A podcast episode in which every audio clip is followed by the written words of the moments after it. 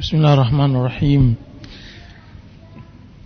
إن الحمد لله نحمده ونستعينه ونستغفره ونستهديه ونتوب إليه. ونعوذ بالله من شرور أنفسنا ومن سيئات أعمالنا. من يهد الله فلا مضل له ومن يضلل فلا هادي له. أشهد أن لا إله إلا الله وحده لا شريك له وأشهد أن محمدا عبده ورسوله. أما بعد. Di dalam hadis yang kedua yang diriwayatkan oleh Abu Hurairah radhiyallahu anhu bahwasanya Rasulullah SAW mengatakan la yafruk mu'minun mu'minah. Seorang mukmin tidak membenci istrinya mukminah. In kariha khuluqan jika seandainya dia membenci salah satu akhlak istrinya maka pasti dia akan menyukai akhlaknya yang lain di dalam hadis ini tersirat perintah syariat untuk seorang suami berlaku baik pada istri. Sebagaimana juga yang diterangkan oleh hadis yang kedua bahwasanya Rasulullah SAW mengatakan la yafruk mu'minun mu'minah. Seorang mukmin tidak membenci istrinya mukminah dengan mukmin yang lainnya dengan mukminah. In kariha khuluqan jika seandainya dia membenci salah satu akhlak istrinya maka pasti dia akan menyukai akhlaknya yang lain. Di sini syariat Islam memberikan permasalahan bahwa cinta dan benci di dalam rumah tangga adalah hal yang biasa kan tapi seorang suami diajarkan di dalam Islam agar jangan kecintaan dan kebencian tersebut mengundangnya untuk berlaku zalim dan melampaui batas terhadap istrinya. Karena sesuatu yang melampaui batas maka tidak ada baiknya. Makanya tidak ada yang paling bahagia sebuah kehidupan rumah tangga kecuali dia mencintai dan membenci istrinya dengan membenci dan mencintai yang ideal. Ada hikmah lama yang sering kita dengar, kan tapi dia diriwayatkan oleh Imam Tirmidzi rahimahullahu taala Rasulullah SAW mengatakan ahbib habibaka aunan ma asa ayyakuna baghidaka yawman ma. Cintailah kekasihmu kata Rasulullah SAW cintailah kekasihmu sekedarnya. Tapi bisa saja bahwasanya dia akan menjadi menjadi orang yang engkau benci. Wa abghid baghidaka yawmamma dan bencilah orang yang engkau benci sekedarnya asa ayyakuna habibaka yawmamma karena bisa saja dia suatu saat akan menjadi kekasihmu jadi begitu dalam masalah cinta dan benci itu adalah hal yang lumrah di dalam rumah tangga. Rasulullah SAW memberikan kaidah bahwa jika seandainya kita membenci akhlak, membenci rupa, membenci sifat, membenci bentuk dari bentuk dan akhlak dan sifat istri, maka ingatlah sifat dan bentuk dan akhlaknya yang lain. Sehingga kita tidak memarahi istri sepenuhnya. Di dalam hadis yang kedua yang diriwayatkan oleh Abu Hurairah radhiyallahu anhu, para ulama berselisih dengan dua makna. Berkata Qadhi Iyad yang diperkuat oleh Imam Suyuti rahimahullah bahwa hadis ini adalah pengkhabaran, bukan larangan. Hadis ini adalah pengkhabaran. Maksudnya tidak akan mungkin seorang mukmin membenci istrinya 100%. Karena seorang uh, istri jika seandainya dibenci oleh suami, si suami pasti dia akan menyukai sifatnya yang lain. Jika seandainya dia membenci rupa dan wajah istrinya, maka mungkin dia suka dengan cara agamanya. Atau jika seandainya dia benci tentang kebakhilan istrinya, maka dia bisa saja cinta tentang qanaah istrinya dan begitu seterusnya.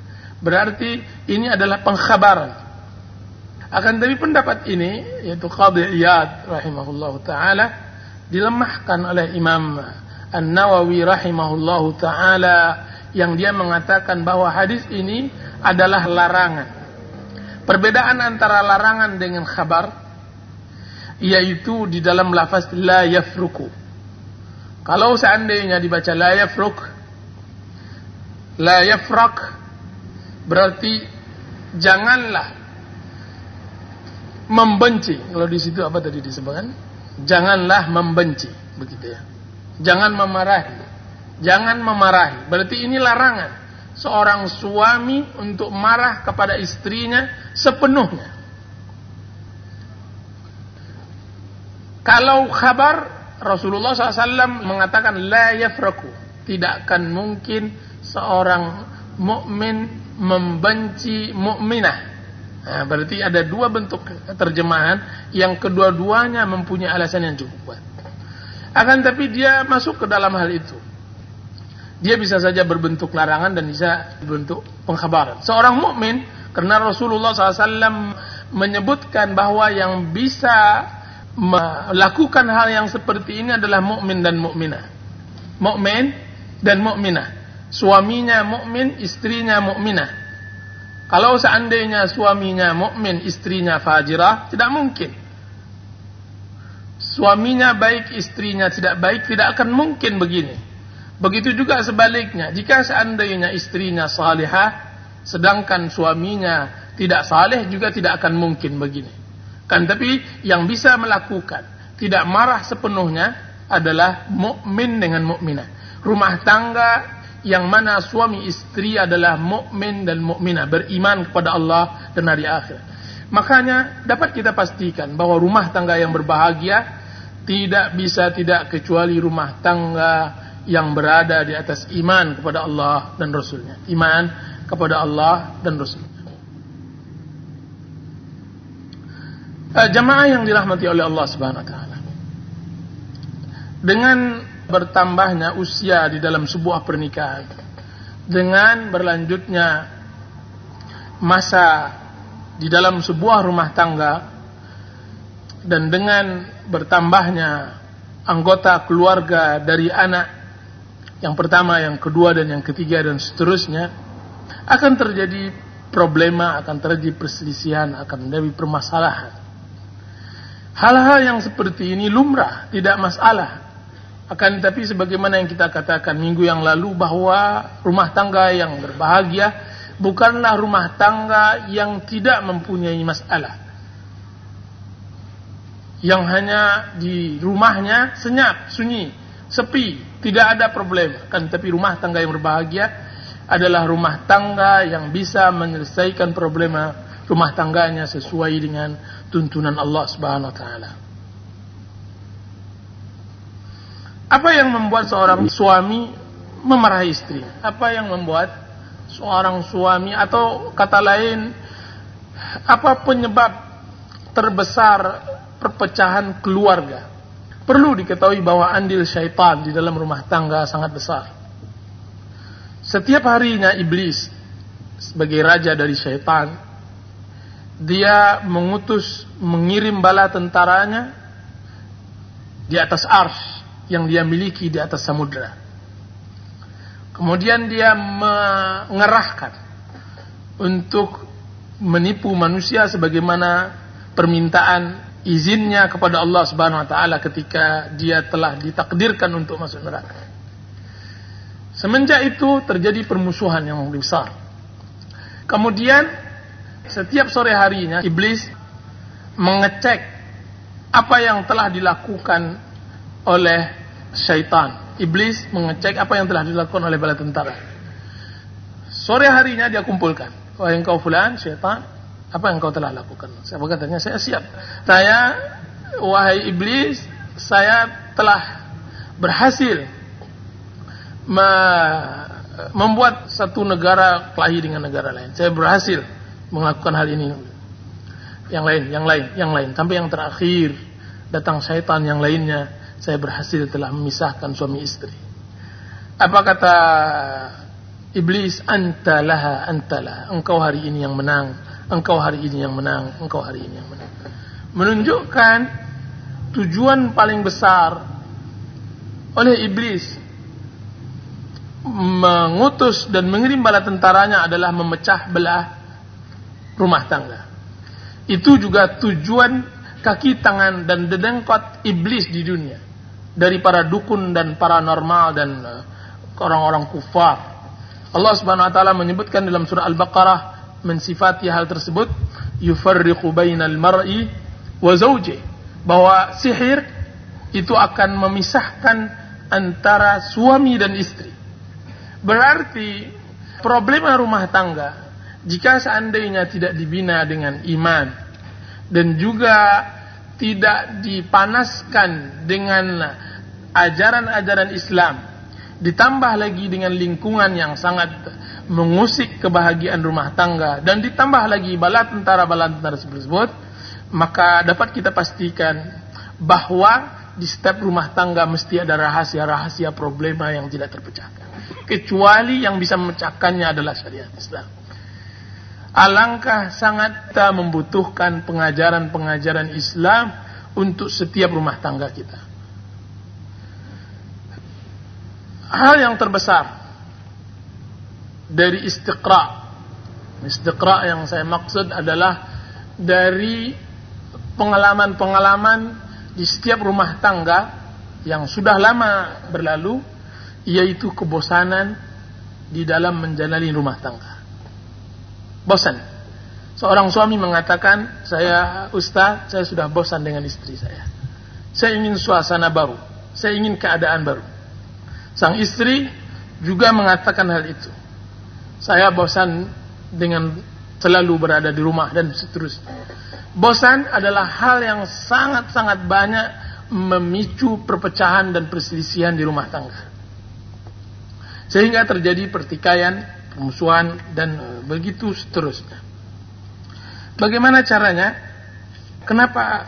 Apa yang terjadi ketika seorang suami bosan di rumah?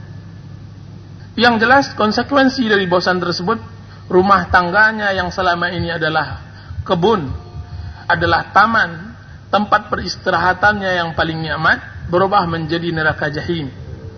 Neraka jahanam baginya panas, tidak akan betah di rumah, kecuali ketika duduk di luar. Nah, orang-orang yang tidak mengerti agama, dia akan lampiaskan kepada hal-hal yang bisa mengurangi kebosanan dan rutinitas kehidupan rumah, rumah tangga. Apa yang mereka lakukan? Sebaik-baik orang-orang yang seperti itu adalah menghambur-hamburkan uang, menghamburkan waktu dan semacamnya di luar rumah. Dia lebih merasa betah duduk bersama kawan-kawannya berjam-jam, berhari-hari daripada dia tinggal di rumahnya dengan istri dan anak-anaknya.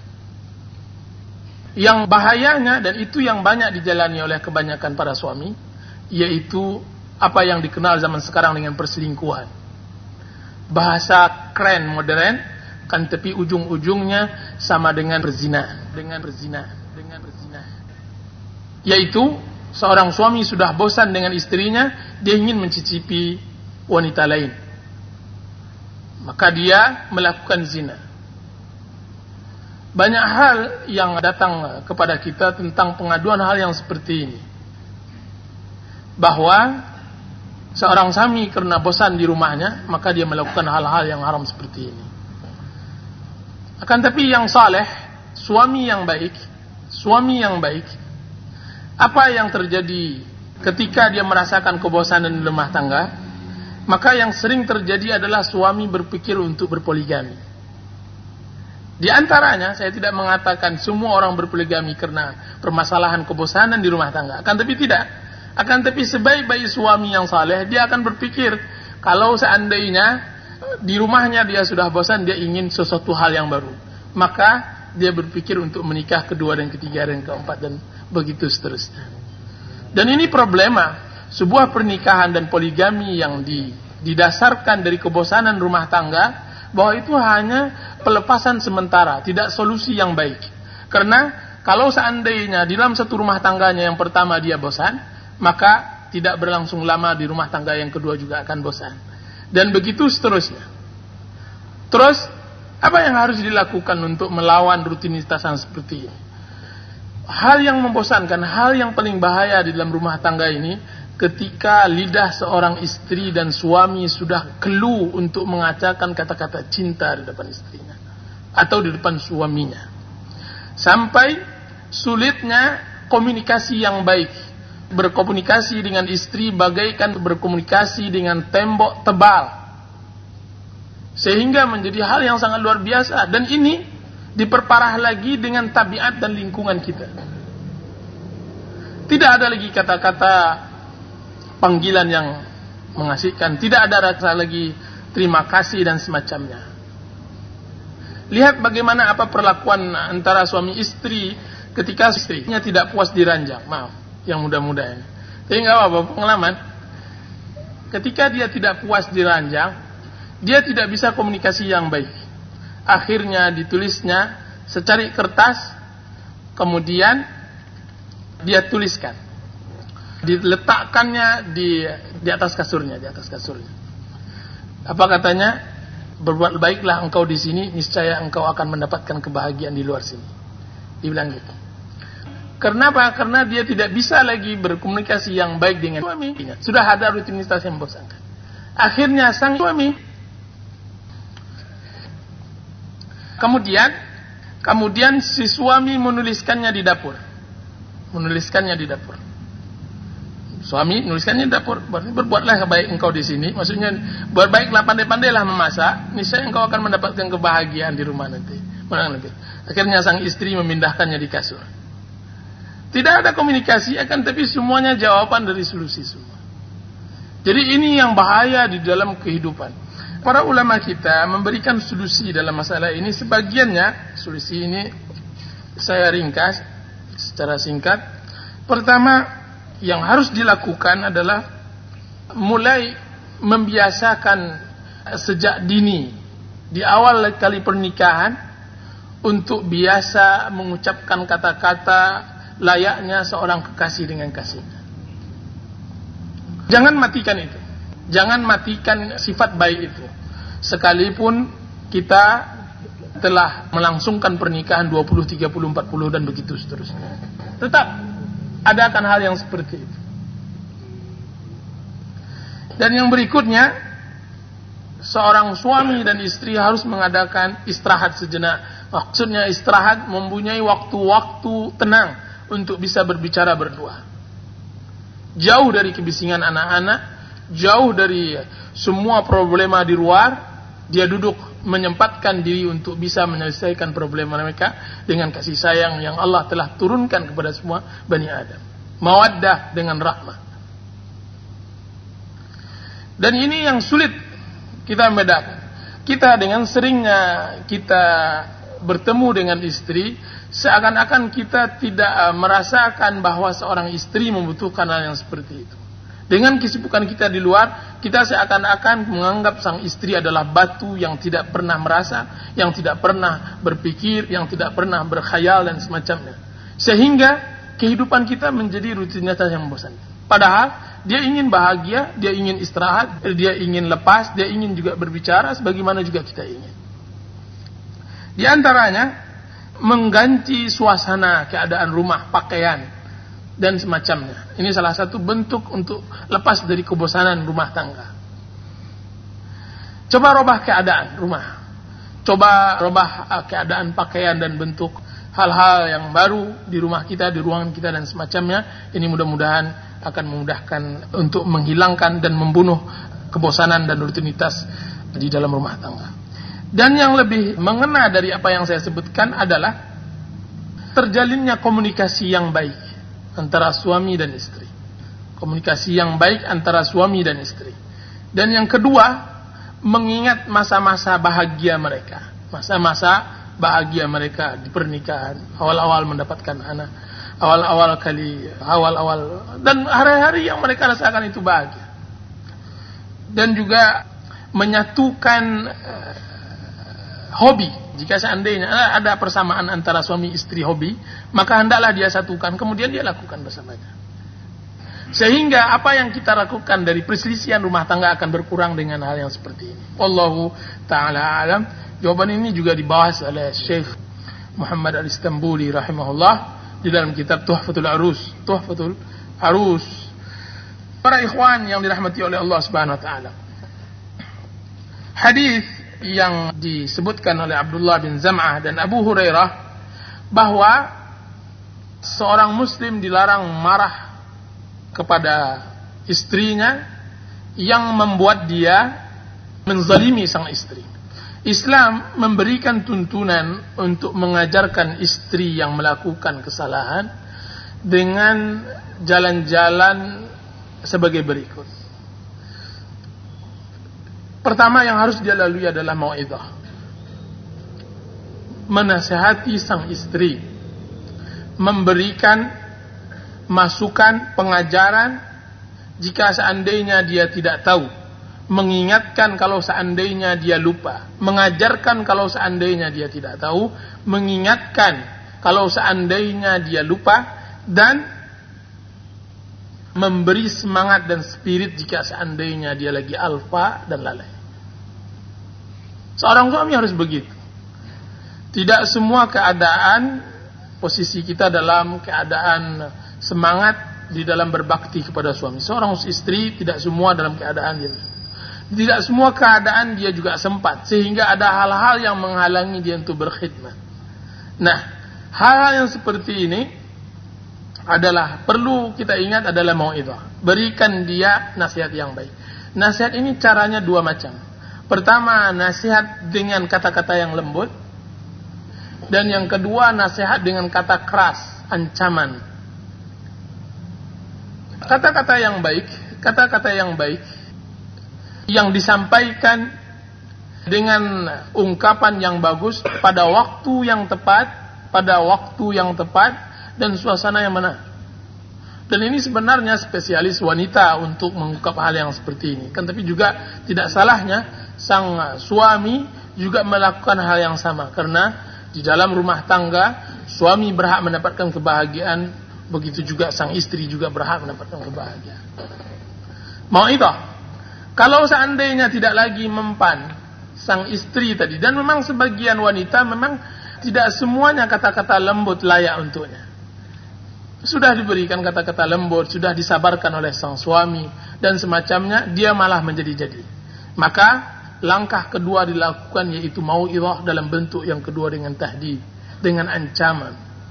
Ancaman yang saya maksud dengan pengajaran agak keras terhadap istri. Kalau seandainya juga tidak mempan, sebagian istri keras kepala dalam masalah ini, maka dia melakukan sarana yang kedua yaitu mendiamkannya. Mendiamkannya beragam bentuknya. Di dalam nas dalam Al-Qur'an bahwa mendiamkannya adalah ketika dia di atas kasur didiamkan. Maksud didiamkan sang suami menghadap ke sebelah dan sang istri menghadap ke sebelah. Tidak mengomentarinya. Di luar itu tetap berbicara. Kan tapi itu sebenarnya berbeda-beda. Mendiamkannya juga bisa keluar dari rumahnya. Mendiamkannya juga bisa mendiamkannya di dalam berbicara dan berkomunikasi dengan istri. Hajar. Akan tapi jika seandainya juga ini tidak tidak masuk dan juga tidak selesai maka memukulnya tanpa mematahkan tulang atau membekaskan di badan. Jadi syarat ad-darbu ghairal mubarrah di dalam Islam tanpa memukulnya, mematahkan tulang atau membekas pada badan. Tidak boleh memukulnya dengan keras-keras, membiru badannya, merah. Tidak boleh memukulnya mungkin tidak biru akan tapi mukulnya pakai penokok patah kayak ini tidak boleh haram berdosa bapaknya letih membesarkannya kita memukulnya mematahkan tulangnya inna lillahi wa inna ilaihi raji'un Ali bin Abi Thalib radhiyallahu anhu menyebutkan pukul dia dengan siwak pukul dia dengan siwak antum tahu siwak siwak adalah kayu dari arak, kayu arak namanya, arok. untuk dijadikan untuk siwak di Arab Saudi. Itu dipukul, koi besar seperti itu. Dan dipukul dia. Sebagian ulama lain mengatakan pukul dia dengan bantal. Wah, itu nggak mengajarkan dia Ustaz. Ah, terserah, yang jelas bagaimana dia kembali kepada kebenaran. Abdar memukul dengan seperti. Yang keempat, kalau seandainya tidak juga selesai dengan masalah itu, baru kita ikut eh, sertakan keluarganya.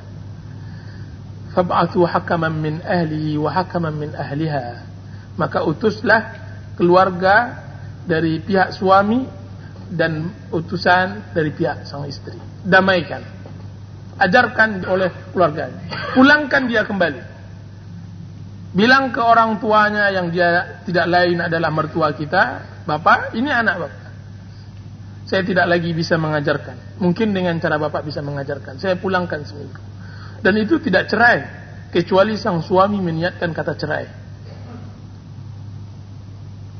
Nah, kalau seandainya tidak jalan juga, maka jalan terakhir yang mana dia adalah salah satu rahmat Allah Subhanahu wa taala kepada pernikahan dan keluarga yaitu talak dan cerai. Berpisah. Dia adalah solusi yang kadang-kadang sangat dibutuhkan. Dia adalah sesuatu yang dibenci oleh semua orang, kan tapi dia sangat dibutuhkan yaitu perceraian. Di dalam sebagian bentuk penyelesaian rumah tangga, menceraikan sang istri,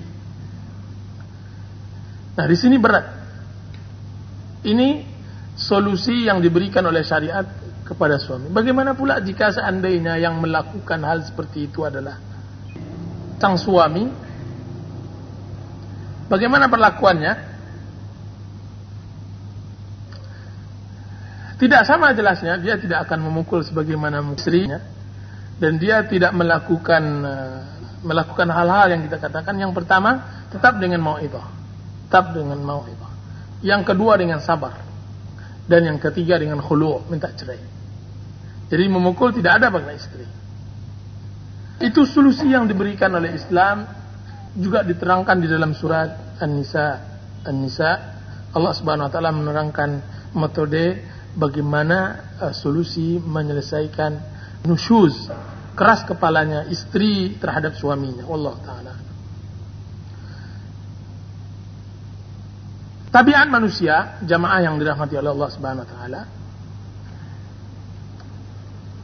dia tidak pernah cukup dari apa yang Allah telah berikan kepadanya. Tidak merasa bersyukur dari apa yang Allah telah anugerahkan kepadanya. Ini tabiat manusia. Dan yang lebih luar biasanya jika seandainya ini ada pada rumah tangga. Di mata orang lain istrinya adalah istrinya yang terbaik, istri yang saleh. Akan tapi yang berbahaya di mata suami dia tidak melihat kesalihan itu. Sehingga terjadi perselisihan rumah Makanya Rasulullah SAW mengatakan di dalam masalah kanaah seperti ini, orang yang bisa berbuat baik dengan istrinya, terlepas dari kelebihan dan kurang istrinya, berarti dia bisa juga berbuat baik dan dia bisa berbahagia juga di luar rumah tangganya. Makanya Rasulullah SAW katakan sebaik-baik kalian adalah orang yang baik pada keluarganya. Kenapa? Karena jika seandainya kita bisa beradaptasi dengan kebahagiaan bersama istri, berarti kita juga bisa beradaptasi berbahagia dengan masyarakat lainnya. Dan yang paling musibah manusia ini tidak pernah merasa cukup dengan apa yang Allah berikan padanya. Yang saya maksud Allah berikan padanya bukan kepadanya saja, akan tapi kepada kelebihan yang diberikan oleh Allah Subhanahu wa taala. Pada istrinya nampak oleh orang tidak nampak olehnya. Yang nampak olehnya adalah keburukan istrinya saja. Sehingga muncul apa? Kemarahan, kemurkaan, kebencian dan ujung-ujungnya adalah cerai. Padahal kalau seandainya dia melihat istri orang maka mungkin dia akan bersyukur sujud syukur kepada Allah Subhanahu wa taala dari apa yang telah Allah anugerahkan. Makanya makanya Rasulullah SAW mengatakan tiga sifat ciri bahagianya seorang suami mendapatkan istri. Pertama, ketika melihatnya. Yang kedua, ketika memerintahkannya. Yang kedua, ketika memerintahkannya. Yang ketiga, ketika tidak ada di rumahnya. Tiga ini yang memberikan kebahagiaan. Itu yang disebutkan oleh Rasulullah SAW. Iza amartaha ata'atka. Kalau seandainya engkau memerintahkannya, dia taati. Dia patuh.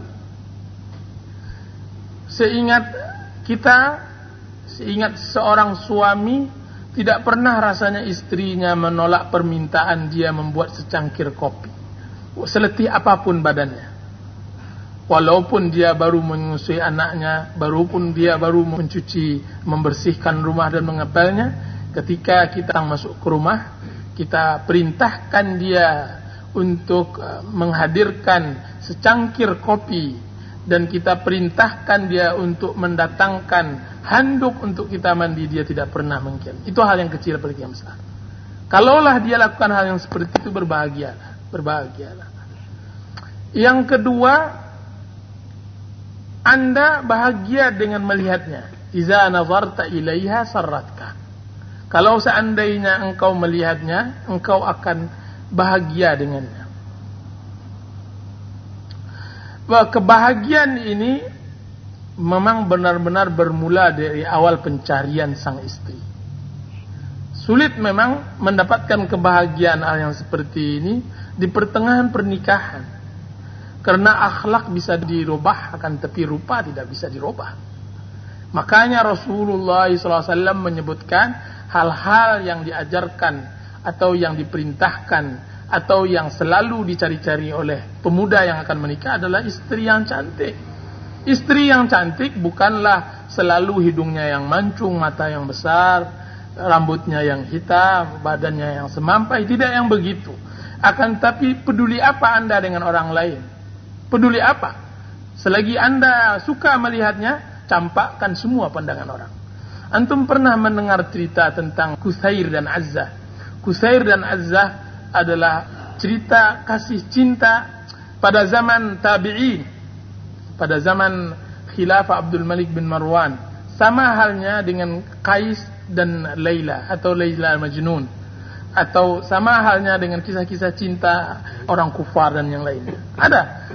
Kusair dan Azzah ketika Azzah datang ke Abdul Malik bin Marwan dan dilihatnya datanglah Kusair apa kata Abdul Malik bin Marwan wahai Kusair seperti kenapa dia sangat masyhur kecintaannya didendangkan oleh para ahli syair semua syair-syair yang disampaikan oleh Kusair itu didendangkan dia adalah ikon di dalam masalah cinta pada zamannya sama dengan Laila Majnun Sebegitu masyurnya sampai khalifah mengetahui hal seperti itu. Ketika datang Azza dipanggilnya Kusair. Apa katanya wahai Kusair? Oh, seperti itukah wanita yang engkau dendangkan setiap malam dan sore harinya? Maksudnya begitu jeleknya antum kamu begini. Apa katanya? Ya Amirul Mukminin, sesungguhnya mata yang engkau gunakan untuk melihatnya bukanlah mata yang aku gunakan untuk melihatnya. Allahu Akbar. Berbeda ini kaidah di dalam masalah mencari kalau seandainya engkau melihatnya engkau suka. Yang ketiga, yang ketiga adalah kalau seandainya kita tidak berada di rumah dia menjaga kehormatannya, menjaga harta kita. Lah jika seandainya telah mencakup istri begini sifatnya, maka pegang dia erat-erat. Sungguhnya itulah yang disebutkan oleh Rasulullah SAW mata'ud dunia. Perhiasan dunia. Ad-dunya mata'un wa khairu mata'iha al-mar'atus salih. Dunia adalah kebahagiaan. Dunia adalah senang-senang. Dan sebaik-baik bersenang adalah wanita yang salih. Bagi yang bujangan masih ada waktu yang sangat banyak untuk mendapatkan perhiasan dunia ini. Bagi yang merasa kurang istrinya pada ini, dia masih ada waktu juga untuk menambahnya dan seterusnya. Akan tapi bukan berarti dia tidak mempunyai kesempatan untuk merubah istrinya menjadi istri yang benar-benar disebut Rasulullah SAW Berapa banyak seorang suami pada awal kalinya membangun rumah tangganya dengan seorang istri, dengan seorang wanita, tidak dibangun di atas kecintaan. Akan tetapi, setelah datang anak dan keturunan dan keikhlasan sang istri berbakti kepada suaminya, kecintaan begitu menggunung di dalam hati suaminya. Bukan karena cantik istrinya, akan tetapi pengorbanan yang diberikan oleh sang istri kepada suaminya. Jadi cinta tidak harus selalu datang dari kebagusan rupa, kan tapi juga khidmat dan begitu sebaliknya. Dan begitu sebaliknya. Wallahu ta'ala Baik. Faedah yang berikutnya. Kisah Saleh dengan uh, kaumnya. Yang di dalam hadis. Abdullah bin Sam'ah juga. Tentang tafsiran surat As-Syams. Ya kan? Surat As-Syams ini. Allah Subhanahu wa taala berfirman, "Idzim ba'ats asqah." Ketika bangkit orang yang paling celaka dari antara kaumnya. Menunjukkan bahwa kisah para nabi dan alangkah kita sangat membutuhkan kisah-kisah seperti ini. Jamaah yang dirahmati oleh Allah Subhanahu wa taala, kisah para rasul, kisah para anbiya. Allah Subhanahu wa taala turunkan di dalam Al-Qur'an. Allah turunkan dalam Al-Qur'an. Tidak ada kebahagiaan bagi seorang muslim kecuali ketika dia membaca eh, dari sepanjang zaman dan waktu dengan sejarah-sejarah orang-orang yang saleh. Itu dapat menguatkan dirinya untuk istiqamah di atas din. Terutama dia adalah para rasul dan para anbiya yang Allah pilihkan untuk kita manusia. Bacalah kisah Nabi Saleh dengan kaumnya. Kaumnya siapa? Thamud. Kalau Hud kaumnya Ad kalau uh, Musa Bani Israel kaum Samud dengan kaum Ad itu mana generasi mereka sekarang disebutkan beberapa waktu yang lalu kita melihat di internet internet sebuah penggalian minyak di daerah Arab Saudi di padang pasir padang pasir antara eh, Makkah dengan Yaman. Itu ditemukan kaumnya kaumnya Ad Amalika ya Ad kaum Ad ditemukan dan besar maka besar luar biasa ketika orang yang menggali kuburan itu yang penggalian kuburan itu membungkuk itu bungkuan badannya itu hanya cekungan matanya, bungkuan badannya, cekungan matanya, cekungan matanya. Itu memang besar. Kaum Hud memang terkenal dengan kaum Amalikah. Amalikah terkenal. Jadi apa yang dilihat itu benar adanya, benar adanya dengan karena kita melihat internet langsung dan juga apa yang kita baca di sana besar. Di internet ada. Ala kulihal kaum itu sudah punah kaum Ad dengan kaum Samud sudah punah. Bahwa dia adalah dari kaum Arab. Arab itu terbagi tiga. Arabul Ba'idah dan yang kedua Arabul Aribah dan yang ketiga Arabul Musta'rabah. Arabul Ba'idah, Arab yang sudah punah, dialah kaum-kaum Samud, kaum Hud yang tidak ada generasi lagi, hilang. Dia bukan keturunan Persia dan dia bukan keturunan Romawi. Dan Arabul Aribah itu juga sudah punah dan hilang. Dialah Arab asli dari suku Jurhum dan suku Kahpan dan suku-suku yang lainnya yang sudah tidak ada lagi pada zaman sebelum Nabi Ismail alaihissalam. Itu disebut Aribah. Nah, Arab-Arab sekarang ini adalah Arab campuran yang disebut Arab Musta'rabah. Pernikahan antara Jurhum dengan suku-suku yang lain dari Yaman dan begitunya begitu sampai sekarang ini. Nah, Hud dan Samud adalah kaum dari Arab juga kan tapi mereka sudah. Para ikhwan yang dirahmati oleh Allah Subhanahu wa taala, Nabi Saleh diutus kepada kaum Samud. Kaum Samud ini sangat luar biasa mereka memiliki dua kediaman. Kebiasaan mereka memiliki kediaman. Makanya Allah sering kali menyebutkan nikmat Allah Subhanahu wa taala kepada kaum Samud dengan hari ini. Di musim panas mereka tinggal di istana babatuan dan musim dingin mereka tinggal di lembah-lembah. Allah Subhanahu wa taala mengatakan surat Fajr, "Wa thamud alladzina jabu sakhra bil Dan kaum Samud yang mereka membolongi gunung-gunung di dekat wad. Dekat lembah. Jadi mereka tinggal di gunung dan lembah. Di lembah mereka punya rumah dan di gunung mereka punya rumah. Di antara peninggalan mereka sekarang ada di Madinah. Yang, yang uh, istana bagus itu. Yang disebutkan bahwa peninggalan yang mereka tinggalkan itu dipahat yang tidak bisa dipahat oleh pahat-pahat sekarang ini. Dan halus. Dan dia istana. Dan disebutkan dia tidak terpengaruh dengan musim panas dan dingin. Dia tetap temperaturnya tetap stabil. Itu yang Allah selalu ingatkan kepada kaum-kaum sebelumnya. Allah telah berikan mereka nikmat yang sangat luar biasa itu juga yang Allah berikan kepada Hud itu juga yang Allah berikan kepada Sabah Akhirnya mereka mengkufuri nikmat Allah Subhanahu wa taala dan memusuhi rasulnya sehingga jatuhlah mereka kepada kebinasaan yang memang membuat mereka tidak ada generasi setelahnya. Nabi Saleh diberikan oleh Allah Subhanahu wa taala mukjizat onta. Alangkah mudahnya bagi orang-orang mereka itu untuk tidak diturunkan azab akan tapi mereka menantang Allah dan menantang bala, menantang musibah. Hanya dua saja kok permintaan Nabi Saleh. Tolong jangan ganggu onta ini. Onta ini pun keluar karena permintaan mereka. Apa katanya wahai Saleh? Kalau seandainya engkau benar-benar Nabi, keluarkan dari batu ini unta. Maka Nabi Saleh doakan, kemudian keluar onta. Tidak masalah, mereka belum beriman, belum turun atas. Tinggal lagi permasalahan Nabi Nabi Saleh lah kalau seandainya begitu biarkan dia. Tidak perlu kalian kasih makan walaupun ini mukjizat nggak perlu kalian hormati tidak perlu. Yang penting biarkan dia hidup di muka bumi milik Allah Subhanahu.